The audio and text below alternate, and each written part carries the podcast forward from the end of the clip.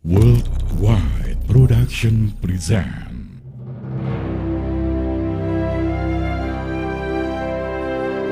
Raja Airlangga Kerajaan Kahuripan.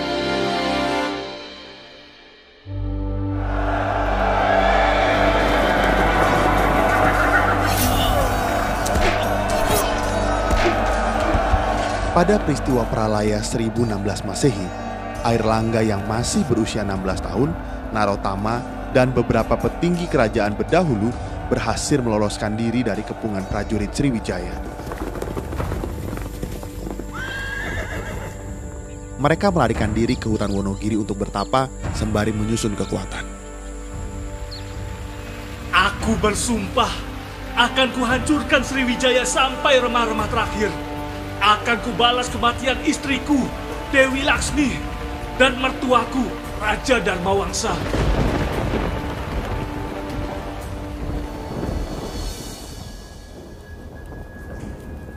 Dalam beberapa kitab kuno, diberitakan bahwa Airlangga bersembunyi di hutan Wonogiri selama kurun waktu 15 tahun. Waktu yang begitu lama itu, ia gunakan untuk bertapa agar mendapatkan bisikan dari Dewa Wisnu.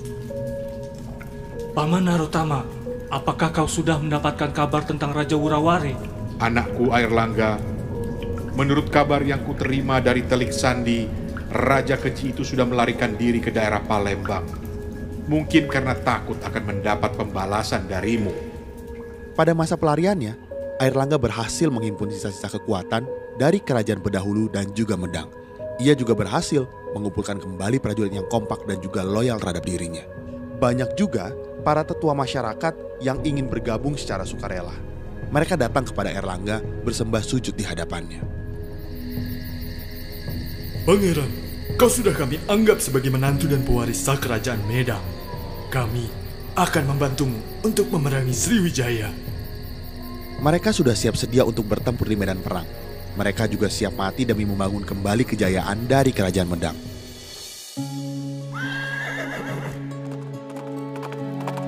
Pada suatu hari, Narotama melaporkan keadaan daerah Medang yang waktu itu menjadi daerah pusat pemerintahan kerajaan Sriwijaya yang berada di Jawa.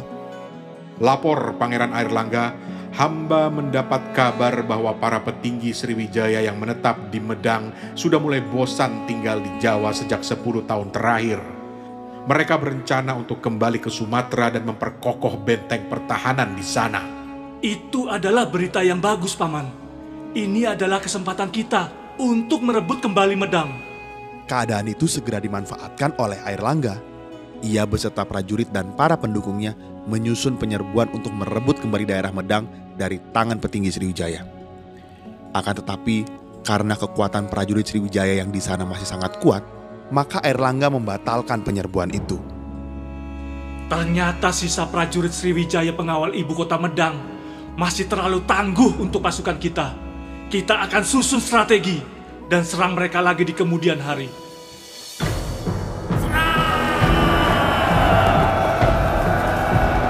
Airlangga kemudian menyerang daerah-daerah musuh yang kekuatan prajuritnya diperkirakan tidak terlalu kuat.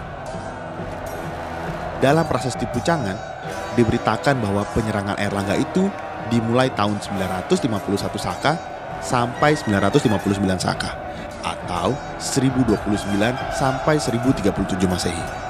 Pertama-tama, Airlangga menyerang kerajaan Wuratan dan menaklukkan rajanya yang bernama Wisnu Prabawa. Akhirnya kau bisa kudapatkan juga Wisnu Prabawa. Ayahmu dulu turut menghancurkan kerajaan mertuaku. Setahun kemudian, Airlangga berupaya menaklukkan Raja Panuda dari kerajaan Wengker. Pangeran, Raja Panuda itu telah melarikan diri dari istana Lewa. Kejar dan habisi raja itu, Paman. Dalam penaklukan itu, Raja Panuda dikejar sampai ke daerah Galuh. Di daerah inilah Raja Panuda ditangkap dan dihabisi oleh Airlangga.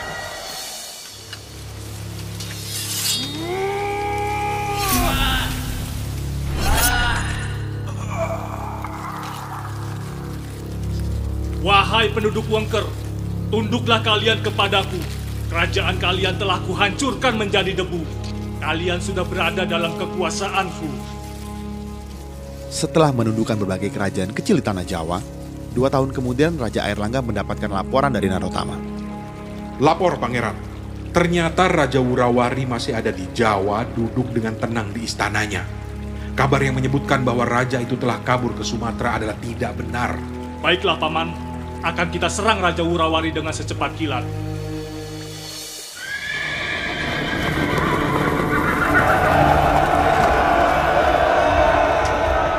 Tahun 954 Saka atau 1032 Masehi, Airlangga melakukan penyerangan ke kerajaan Wurawari.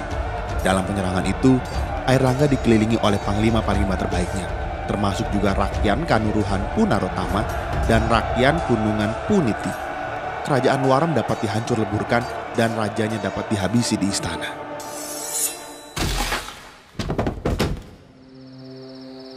Pada suatu malam, ketika Airlangga sedang bertapa, ia didatangi oleh pembantunya Narotama yang melaporkan sebuah kabar gembira. Pangeran, hamba membawa kabar gembira. Kerajaan Sriwijaya telah luluh lantak di bumi hanguskan oleh kerajaan Chola.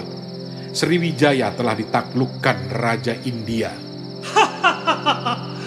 Ternyata kita tidak perlu bersusah payah menaklukkan Sriwijaya. Kerajaan penjajah itu telah ditaklukkan oleh musuh besar mereka sendiri. Kalau begitu Paman Narotama, siapkan pasukan. Kita akan serang kembali ibu kota Medang. Pasukan Sriwijaya yang mengawal ibu kota itu pasti sedang berada dalam keadaan moral yang buruk karena kerajaan mereka telah hancur.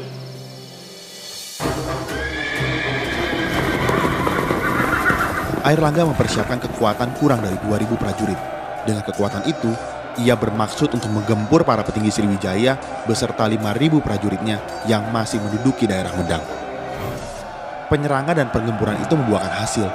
Perang itu hanya memakan waktu yang sangat singkat karena para petinggi Sriwijaya beserta prajuritnya secara sukarela menyerahkan diri kepada Erlangga.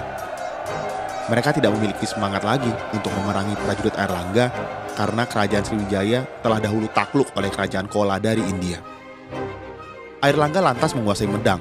Ia mengumumkan kemenangan di depan semua prajurit dan pendukungnya. Tidak hanya itu, ia juga mengangkat para pendukungnya yang setia untuk menduduki jabatan sebagai petinggi negara. Narotama diangkat sebagai menteri kerajaan dengan gelar Rakyan Kanuruhan, sedangkan penyewu pasukan Medang juga diangkat menjadi Mahapatih dan diserahi tugas untuk mengatur kepangkatan dalam kesatuan yang dipimpinnya. Berita tentang kemenangan Erlangga atas Sriwijaya dengan cepat menyebar ke seluruh daerah Medang. Rakyat menyambut dengan gembira kabar kemenangan itu. Mereka pun berbondong-bondong menghadap kepada Erlangga dan menyatakan kesetiaannya kepada menantu raja mereka. Aku berjanji kepada kalian, wahai rakyat Medang. Aku akan membangun kembali istana Medang yang telah hancur. Dan aku akan memimpin kalian dengan adil bijaksana. Airlangga lalu membangun ibu kota di suatu tempat yang dinamakan Watan Mas. Akan tetapi, tidak lama kemudian, ibu kotanya itu dipindahkan ke daerah Kahuripan. Di sanalah Airlangga membangun istana sebagai pusat pemerintahannya. Kerajaanku ini tidak akan menggunakan nama Medang lagi. Karena nama kerajaan yang sudah ditaklukkan musuh tidak pantas untuk dipakai lagi. Hari ini, aku akan menamakan kerajaanku dengan nama Kahuripan. Bersama dengan itu, Airlangga dinobatkan menjadi raja pertama dari kerajaan Kahuripan dengan gelar Abhiseka Sri Maharaj, Rakai Halu Sri Dharma Wangsa, Airlangga Ananta Wikramo Tunggadewa.